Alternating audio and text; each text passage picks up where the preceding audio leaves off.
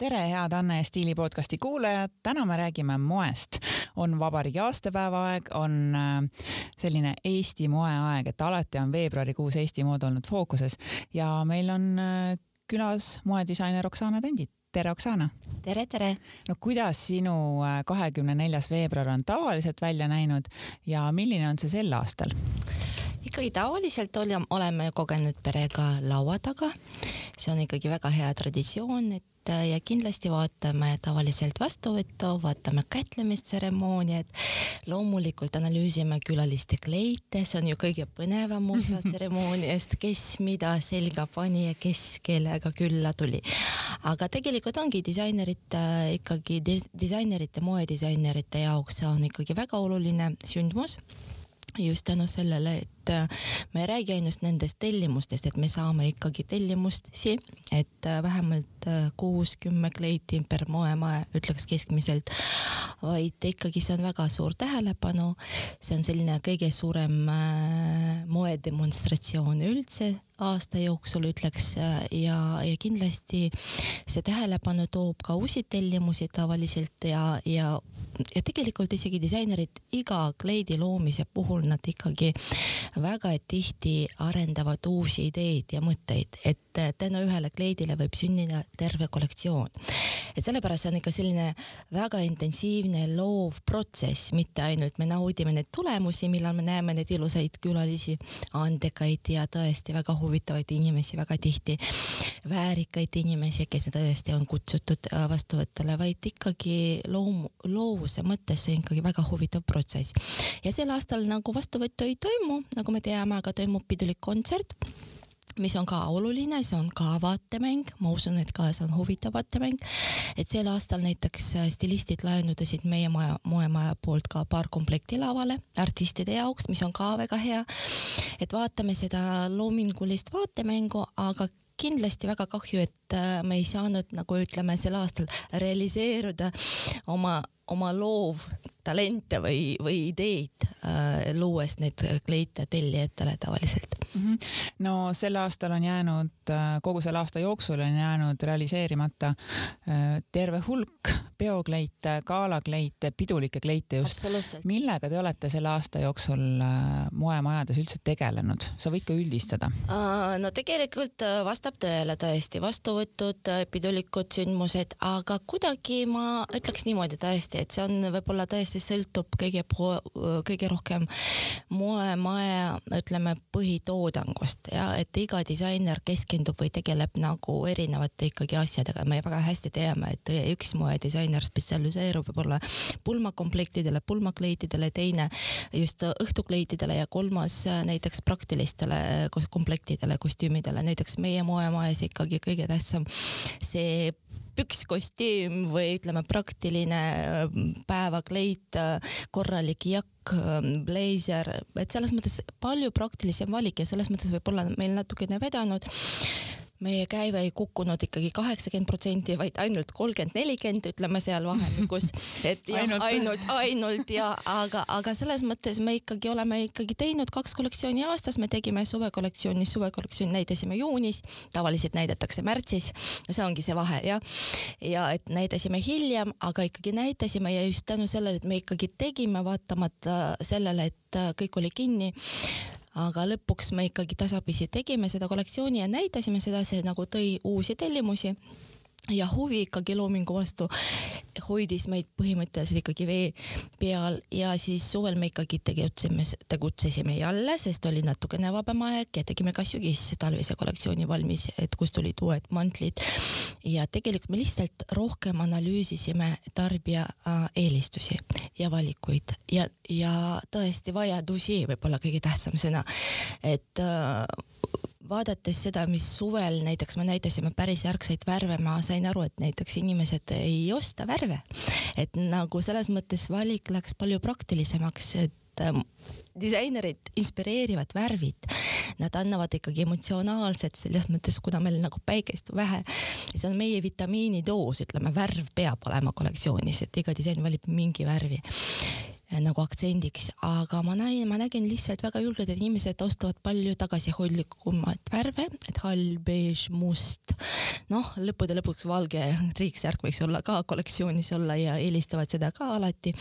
ja sügistalvine kollektsioon oligi mustvalge ja tegelikult jälle oligi väga populaarne, et selles mõttes me ikkagi tegime seda, mida inimestele vaja on ja tundub, et see oli õige valik mm. -hmm. kas need kollektsioonid on ka ära ostetud või need ikkagi äh, seisavad mis, stuudios? Äh, mis on nagu kõige tähtsam, ongi äh, see moment, et varem me tegime ka väikese tiraaži iga mudeli kollektsiooni kohta, et hetkel me ei tee seda tiraaži, see tähendab, et me teeme näidiskollektsiooni mm. -hmm. inimesed tulevad, vaatavad show'le, kellele see ideaalne suurus kolmkümmend kolmkümmend kuus, nelikümmend saab ikkagi osta endale näidise, aga näidiste järgi me pildistame kollektsiooni, pildistame äh, näidiseid ja näidiste järgi inimesed saavad tellida oma mõttude järgi, see on hästi nagu jätkusuutlik ja keskkonnasõbralik ka lahendus. Ja, ja tänapäeval väga, et me ei tooda seda mittevajalikku kraami, ütleks niimoodi, et see ei ole seda kogust.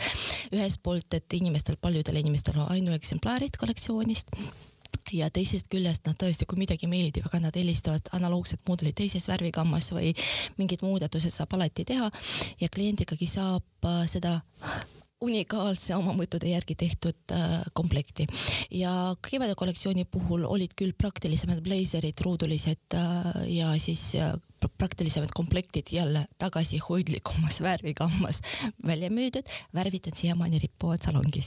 see meie nagu, nagu superstiilne, minu arvates hästi optimistlik laimiroheline, mis on kevadest on siiamaani nagu need, ütleme minu nagu ütleme, et miks näiteks Valentino Couture kollektsioonis praegu just näitas seda värvi ütleks, et on nagu järgmistes aastateks tegelikult üks trendidest, aga no vist Eestis need trendid jõuavad natukene hiljem kui nad on juba moest out, siis on kuidagi tundub, et inimestel on huvi selle värvi vastu, aga äh, sügine, sügisene kollektsioon, sügistalvine kollektsioon on müüdudki mm. -hmm.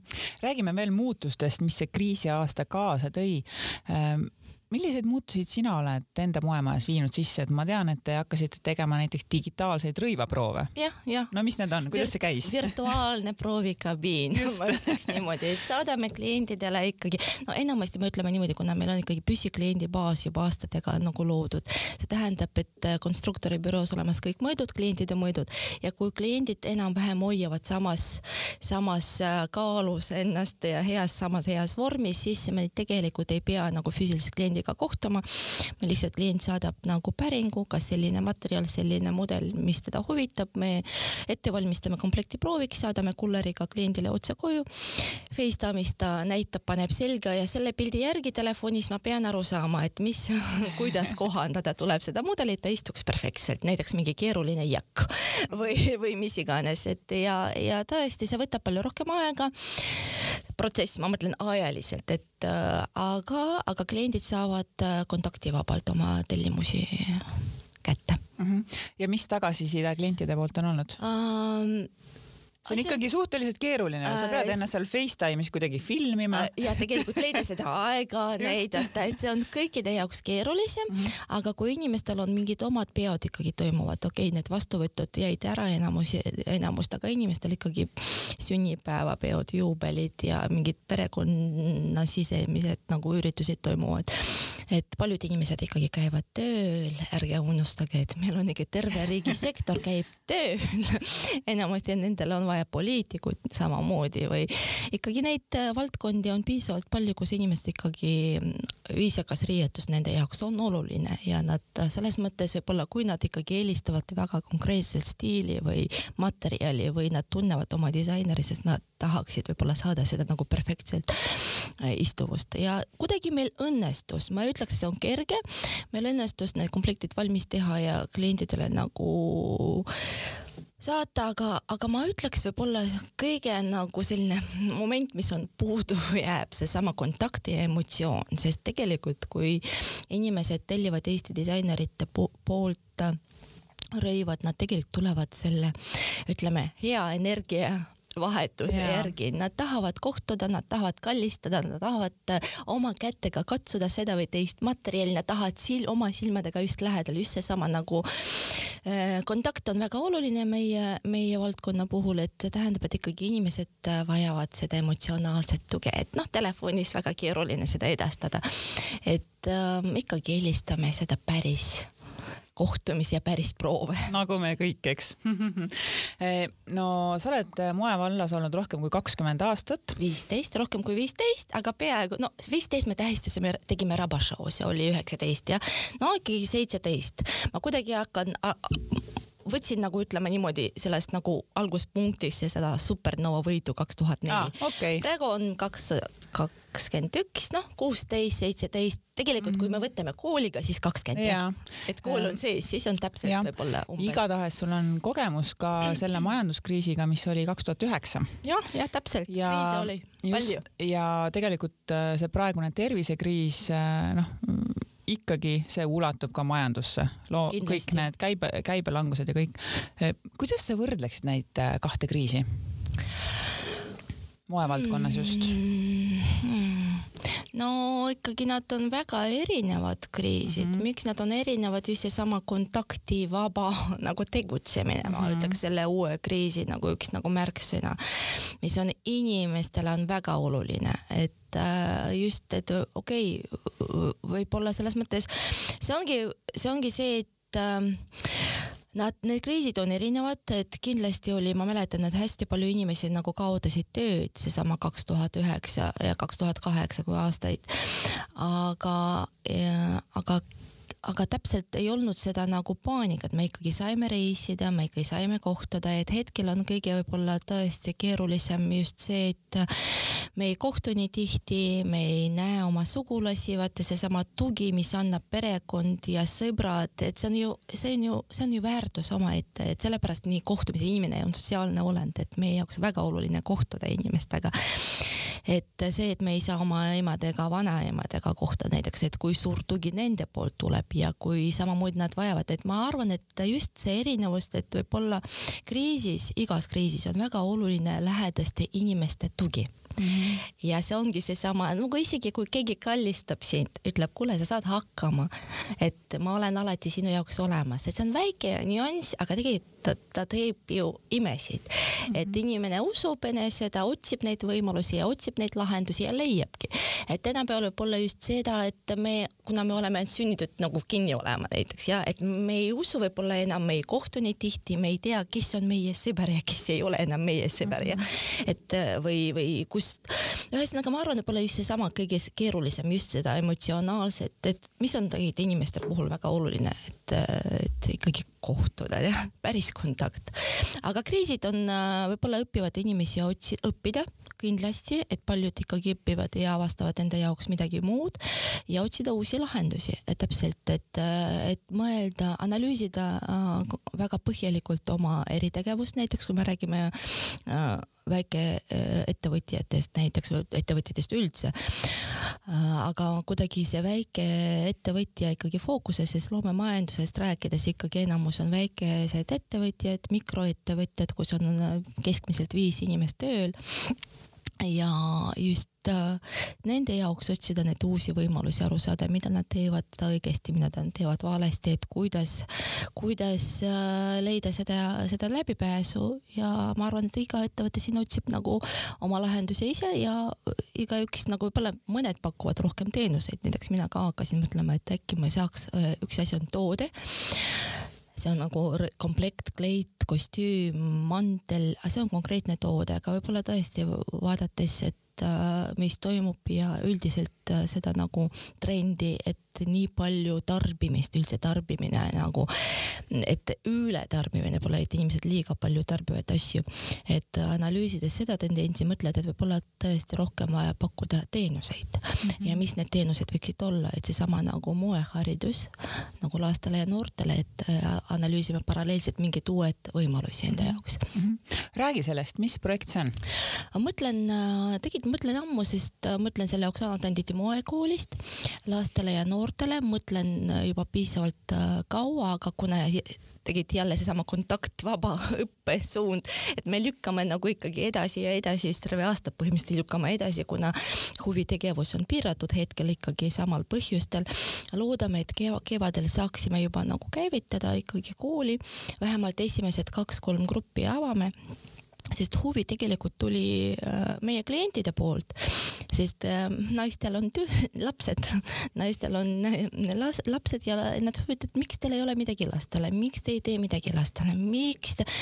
ja kuna mul endal tütar ka üksteist aasta vana, siis ma mõtlesin, no tegelikult see on kõige olulisem, ma vaatan, et üldse, kuidas lapsed või noored lapsed, üks väikesed, nüüd tegid tütarlapsed juba nad ei ole nii väikesed enam, et mida nad teevad, mida nad Tiktokis otsivad teevad, miks nad sotsiaalmeedias, mis nendele meeldib, kes need mõjutajad.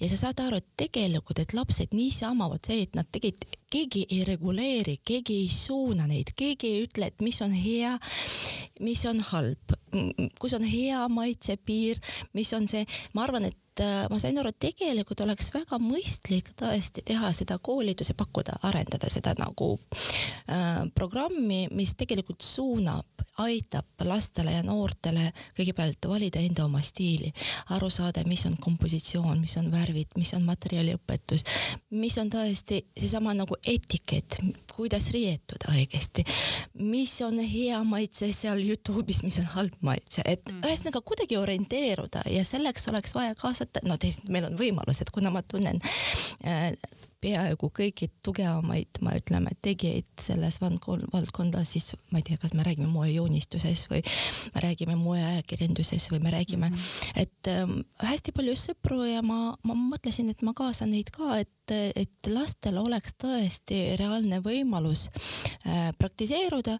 õppida midagi uut äh, sest paljud tüdrukud unistavad ju moedisaineriks saada lapsepõlvest, aga võib-olla kui nad õpivad ja kuulavad päris tegijatelt, kui keeruline töö see on, kui raske töö see on.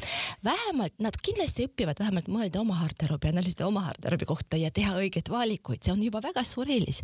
aga just, kas nad valivad seda teekonda või nad mõtlevad üldse, et kui palju paralleelseid asju nagu ümber, sest mood, mood, rõivatööstus, mis on ümber ja stilistika, kompositsioonid, moeajakirjandus, moeseeriad, mis iganes, on kõik ju seotud, hästi palju erinevaid ja äh, valdkondi, mis on ümber selle, et täpselt äh, et ühesõnaga tundub, et endale tundub huvitav, endale tundub, et äh, just enne kui lapsed või noored juba ütleme äh, hetkel plaan on selline, et võiksid olla grupid ähm, kümme, neliteist ja neliteist, seitseteist enne kui lõpetavad kooli ja teevad seda otsust, noored, nad ikkagi mõtleks, saaks aru, mis on, mis see tähendab, mis see moedisain üldiselt tähendab ja kas tõesti see oleks ja või peaks olema eluvalikuks. no huvitav teema, jääme kindlasti siin ootama arenguid, et mm -hmm. hoiame pöialt, et kõik läheb plaani kohaselt. räägime veel sellest kriisist kuidas sinu hinnangul on äh, see kriis nüüd Eesti moemaastikku muutnud?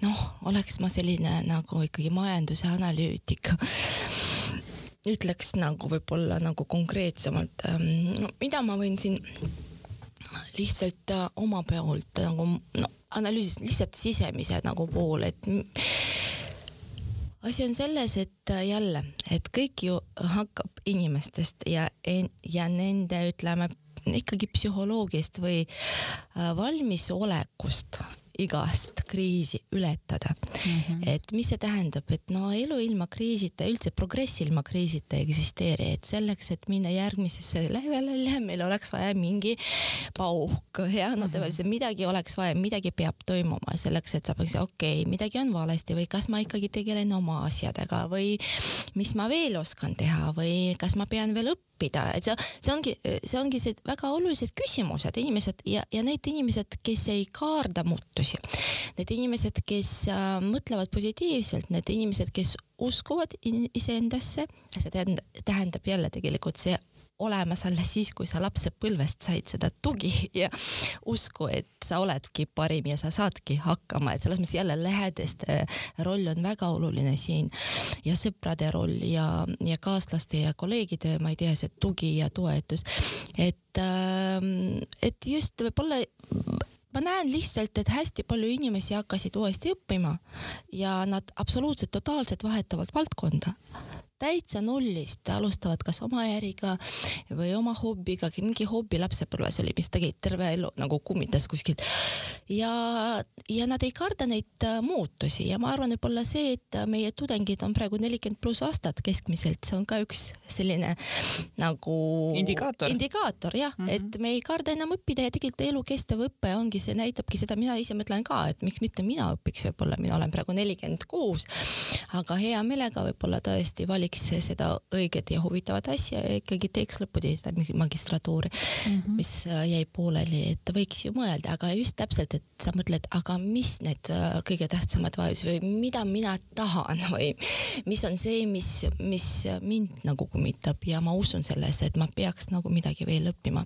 ma arvan, et see on oluline, et tulebki otsida neid lahendusi ja kindlasti kool, need uued kolleegid, uued, uued inimesed, uued võimalused, et et kasutada seda võimalust nagu oma silmaringi avada ikkagi -hmm. iga kool, sa ikkagi õpid, ma arvan, see on ka selline väga hea võimalus äh, muuta oma elus midagi mm -hmm. ja saada hakkama selle kriisiga, kui sul on tõesti olukord niimoodi, et sina kaotasid tööd ja sinu lähedased võib-olla kaotasid tööd, et noh, uskuda, et äh, ikkagi ei ole mitte mingi, mingi, mingi kriis ei kesta ikkagi igavesti, jah, kõik kriisid lõpevad, aga sa pead valmis olema selleks, et ongi kahe aasta pärast kriis on läbi. kus sa oled, kes sa oled, kas sa tegeled asjaga, mida sa armastad, on sind ümbritsevad inimesed, keda sa armastad, kõige tähtsamad. Ja võib-olla mõnikord tulebki võtta rahulikult, mida ma nägin veel, et hästi paljud naised sünnitavad lapsi kriisi ajal. noh, las kriis kestab, aga lapsed sünnivad, see tähendab, et usku tule, tulevikku ikkagi inimestel on ja eh, milliseid muutusi sinu hinnangul on see kriis nüüd äh, globaalselt moemaailmale mm, toob? Äh, jah, kujundanud? no, noh jah, me näeme kõik neid online show sid praegu jah, selline mm -hmm. suur tendents. aga jälle minu arvates moe, moemaailma jaoks ikkagi päris moeshow on päris moeshow, nagu ma ütlesin ja, ja ikkagi see emotsionaalne ja energiline vahetus just üritustel ähm, väga oluline, aga midagi siin teha pole, kindlasti areneb online on ja. see üks tendents, mis nagu näitab ka väga online müük. jälle, mis tegelikult äh, mina ikkagi siiamaani, mul ei ole online äh, poodi ja ma ikkagi viimaseni võitlen sellest, kas ikkagi peab iga asi nagu leitav olla internetis.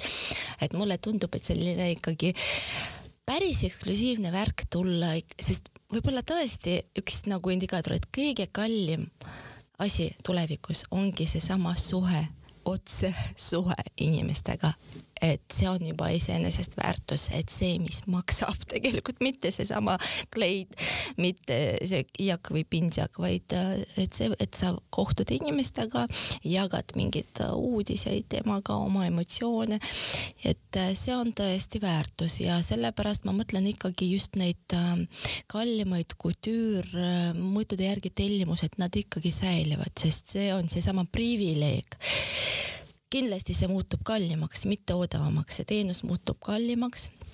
eriti arvestades, et me peame tõesti broneerima iga tulijale tund aega showroom'is või ateljees vähemalt kaks tundi, et tulebki täpselt ette broneerimisele ja nii edasi, aga see, et sul olemas võimalus äh, reaalselt ja päriselus kõik asjad proovida ja näha ja arutada disaineriga seda komplekti, see, see ongi nagu muutub äh, veel kallimaks aga võib-olla tahaks loota, et see masstootmine ikkagi nagu praegu näitab ka nagu viimane trend ikkagi kuidagi tema tõmbab kokku jah, ikkagi, sest kõik saidki aru, et seda masstootmist ei olegi vaja, nii palju rõivad ja, ja selle mõju ühiskonnale on väga suur.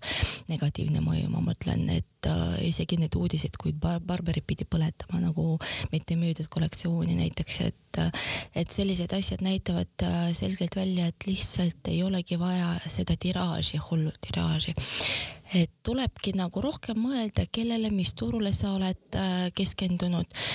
Et väga keeruline prognoosida, mina arvan ikkagi, et äh, mood nagu osa kultuurist ikkagi, osa majandusest loomulikult jääb ja säilib. ja kindlasti ka õitseb üks ükskord uuesti. aga millal see toimub, ei tea, aga kindlasti, kindlasti siin otsivad äh,, leiavad võib-olla ka mingid uued, uued lahendused. aga needsamad virtuaalkabiinid ja online poed ja drooniga saatmised kliendile nagu Jaapanis ja Eestis näiteks. võib-olla see on nagu see uus reaalsus, mis meid ootab mm. -hmm. no moetööstused on äh, suured majandusharud. kuidas on Eesti moel suhe riigiga? Ja riigipoolsete toetustega, eriti praegu kriisi ajal. ja ma arvan, et ongi see, see ongi see kõige suurem probleem mm. -hmm. võib-olla niimoodi, et äh, kõik nagu harjunud, no see on, see on, on selles mõttes keeruline teema, sest äh, paljud arvavad, et kui te saite, saate ise hakkama, miks, miks riik peab teid toetama, no miks peab, sa oled ju ettevõtja. et siin ongi see küsimus, et äh, mood, et kas mood on kultuuri osa ja see ongi meie riigi, võiks olla meie riigi uhkus. Või muud on. Kindlasti majanduse sektoriga on, on seotud väga kindlalt, aga siin samamoodi me näeme, et viimased, viimased uudised ei ole väga head, et kui me räägime Baltika näide, meil on siin ees või Sangari näide, need suuremad ettevõtjad, kellel on ikkagi päris soliidne käive, aga neid on hästi vähe, enamus, nagu ma ütlesin, niisugune mikroettevõtted. aga samas need mikroettevõtted võib olla ikkagi needsamad ettevõtted, kes, kes ikkagi panustavad riigisektorisse ja maksu, maksu, maksu, kuidas rahakotti või kotti. et, et kindlasti siin võiks olla üks teema, ma arvan, et meil ei ole mingi ikkagi mingi organisatsiooni, kes ikkagi esindas tervikuna sektori võib-olla äh, väliskaubanduse ministri nagu laual võiks olla selline moenõunik äkki, kes, kes arutaks ja pakuks oma ideed, et mis moel võiks sest minu arvates ainult koostöös võiks kuidagi seda moe, Eesti moesektorit tervikuna kuidagi eksponeerida, kas me räägime välismessidest või kui me tahaksime, et ikkagi me jõuaksime ekspordile üks päev, aga see ongi see, see on nagu maailma sees konkurents, on väga tugev konkurents. et kui oleks see tugi, kui oleks see mm, toetus, kui oleks vähemalt see esindus kuskilt, keegi, kes esindaks, teades, mis probleemid äh, Eesti disaineritel on, siis oleks väga hea. aga mõtleme siis, kes ja kuidas mm. -hmm. kas äh, kas Eesti mood on ekspordiks valmis, kas tegelikult disainerid äh, jõuaks nii palju ateljeedes siis. Neid riideid teha, kui palju tootmi-, ekspordiks vaja oleks? me, mida me näeme, et äh, isegi seal tootmises, mis toimub, et äh, ei toodeta enam Eestis, hästi suured ettevõtted Baltika, seesama Sangar minu teada, Marat mm. -hmm. täpselt, nad ei tooda Eestis, sest Eestis tootmine on väga kallis. aga sel juhul äh, mõtleme niimoodi nagu noh, fantaseerime sel teemal, kui mhm. Eestis jääb ainult loovjõud, ainult disain teenus, tegid disainerite bürood, sest Eesti ongi tugev just äh, loomemajanduse puhul ma räägin, et meil on ajud, meil on Just. pead, meil on fantastiline loovpotentsiaal. vahet ei ole, kus me, ütleks niimoodi, kui me saaks kui disainerid saaks äh, välja töötada need oma kollektsioonid, et iga, iga, iga, igaühel on oma nišš, ütleme niimoodi, super tugevad tooted, mis võiksid olla äh, ekspordipotentsiaalid, suurema potentsiaali nagu ütleme, tugevad müügiartiklid üle maailma, et igal äh, disaineril ja igal moemaalil on omad müügihitid või bestsellerit juba aastate jooksul, meil on näiteks ateljees samamoodi, me teame, täpselt meie Captain Jumpsuit on meie hitt, see võiks olla iga, ma ei tea, mitu aastaid üle maailma. No, number hitt number üks, ütleme niimoodi, sest ta oligi, me iga aasta teeme seda ühes uues värvigammas ja ta siiamaani ikkagi jätkuvalt aktuaalne. ja see on ainult üks mudel. sel juhul ütleme niimoodi, kui meil on see creative potentsiaal, see loov potentsiaal jääb Eestisse. Ja me toodame juhul, kui meil on tellimus ja me saame, et okei okay,, tellimus oleks selline, siis miks mitte me hakkame tellima seda tootmist, mis iganes kuskil mm -hmm. Türgis või Portugalis või kuskilt veel kaugemal, katsuks Euroopaks ikkagi lähemal. aga ma usun, et see on kõik need collaboration'id on siin, need äh, töö, koostöövõimalused on täitsa olemas. et pigem ongi see tahe koostööd teha, võib-olla see on kõige suurem probleem, et Eesti disainerid ei näidanud seda võib-olla koostöötahet aastate jooksul väga palju. et igaüks kuidagi on, tegutseb tasapisi omaette et ja, ja ei mõtle, et tegelikult me ei ole konkurendid, vaid me oleme kõik kolleegid, me nagu esindame ühte valdkonda, meie stiilid ja käekiri on väga erinevad. meil on, igaühel on midagi, mida pakkuda. toota võiks, ma ei tea, kus Lätis, Venemaal, ma ei tea, tegelikult vahe. On võimalusi, kust toota. aga kindel on see, et ekspordiks on vaja nagu suuremaid äh, mahti ja seda hetkel Eesti tõesti, Eesti disainer, disainerid ei näita mm. -hmm. kuhu võiks Eesti disaini üldse eksportida? Venemaale mm -hmm. näiteks, sest kõik ju mõtlesid Euroopa peale Ameerika peale, meil on naaberriik, hästi suur naaberriik, vahet ei ole, mis poliitiline olukord, aga kultuurilised siidmed meil olid ja ma mõtlen, miks me üldse ei ole mõelnud selle suure turu peal, mis on meie naaber Narva ja ongi Venemaa. ja Vene, Vene inimeste jaoks me alati Eesti vähemalt ja Balti riigid olid alati eeskujuks, mis puudutab disaini, trende nagu ütleme seda põhjasuuna, et nad ikkagi vaatasid alati, ütles, see on ikkagi Eestis tehtud, see mm. tähendab Eesti toode vene inimestele alati oli kvaliteedimärgiga toode, et ja me kuidagi ei kasuta seda potentsiaali ja võimalusi, me võiks nagu vabalt nagu väga hästi meil kõikidel, ma ütleks absoluutselt kõikidel Eesti disaineritel võib väga hästi nagu minna Venemaal, Ukrainal, just idapiiril, mitte lae, lääs, sest lääs on ikka päris, väga keeruline konkureerida maailma tippudega, väga mm -hmm. keeruline, sest me alles alustasime, meil on meie iseseisev disain on kakskümmend aastat ja kolmkümmend, okei okay., aga see ikkagi ei ole sada aastat jah ja eriti kui me räägime, et Itaalias ja Prantsusmaal ja Inglismaal on see kanga tootmine koha peal on niivõrd tugev, et nad ei pea, me ostame sisse kangaid Euroopast, mis on juba nagu tähendab kõrgem hind. et äh, samamoodi ma mõtlen, et ka nagu Aasia turud võiks olla väga populaarsed, et just selline kuskilt skandinaavilik lakooniline nagu Augusti bränd näiteks räägime, võiks väga hästi müüa Jaapanis näiteks ja kui me võtame mhm. iga brändi eraldi iseseisvalt, me saame öelda, mis bränd kus võiks olla kõige paremini müüdud. seda tuleb lihtsalt analüüsida ja strateegiliselt mhm. sellega plaaniliselt tegeleda, et meil on selline eesmärk, et Eesti disain ja Eesti mood võiks olla üks ekspordipotentsiaal ja siis võttagi asjad kokku ja kuidagi seda strateegiat välja areneda ja proovida ja minna, miks mitte. aga selleks on vaja tahet, koostööd koostöötahet ja, ja usku iseendasse no,. loodan, et see usk äh, süveneb ja koostöötahe tuleb siis ka. jah, proovime vähemalt alati sellise l'esperanza ultima morire. jah, et loodame parimat, et äh, vähemalt äh, ma tahaks uskuda, et see on võimalik.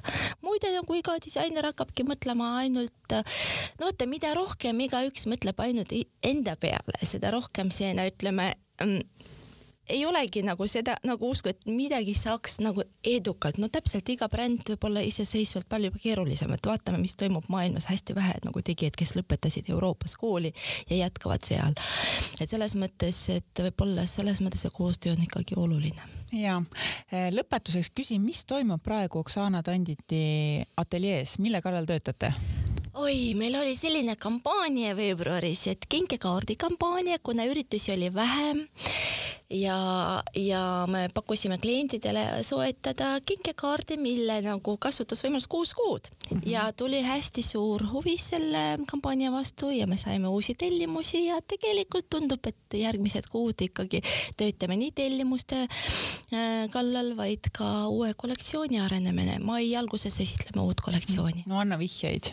Ah, oi-oi, värvil, hästi, jälle värvid. laimiroheline ei, ei, ei seekord mitte, vaid rahulikumad värvid tulevad, korallroosa näiteks, väga ilus värv, et äh, rahulikum juba, no tegelikult selline soe kärtspunane ka Valentino Rett, et ma mõtlesin, et kui võtta värvid, siis pigem klassikalised ja, aga bukleejakid just nagu tulevad mitte black and white, vaid ikkagi värvilises nagu värvigammas, ilus ultramariinsiinina ja seesama äh, ütleme kirjupunased need toonid, roosakad toonid ja, ja klassikalised ikkagi lõiked, midagi teha ei ole. meie lemmikud äh, jäkid, kombinesoonid, äh, suvised kleidid, aga siin tahaks natukene võib-olla julgemaid asju teha, aga see on saladus. No hästi, jälgige, jälgige ja mai alguses esitleme uut kollektsiooni, loodetavasti selleks ajaks kõik kõik jälle vaba, Eesti on jälle vaba. Mhm. ja lõpumõtteks, äh, mille võtab Oksana Tandit äh, sellest praegusest kriisist kaasa tulevikku? mm,? hea küsimus hea küsimus. tead, kõige tähtsam on see, et äh, ma sain äh, teost, teostust, tõest, tõestust või kliendid või, et äh, meie kliendid on meiega jätkuvalt, nad kõik toetavad meid äh, kriisi ajal, nad toetasid meid, nad tellisid, nad ei kadunud pildist see tähendab, et võib-olla me pakume midagi rohkem kui ainult rõivaid inimestele. et ikkagi needsamad meie head kliendid ja minu head sõbrad ja minu lähedased, et me, ma, ma ikkagi, ma säilisin või ma võtan ikkagi oma inimesi kõik kaasa selles kriisis ja me vaatame ikkagi positiivselt tulevikku ja usume, et meid ootab ainult parim aeg ees aitäh, Oksana Tandit, nende aitäh. inspireerivate mõtete eest. mina olen Mari-Liis Helvik, Anne Stiili peatoimetaja, see oli Anne Stiili podcast ja meie juba kuuleme peagi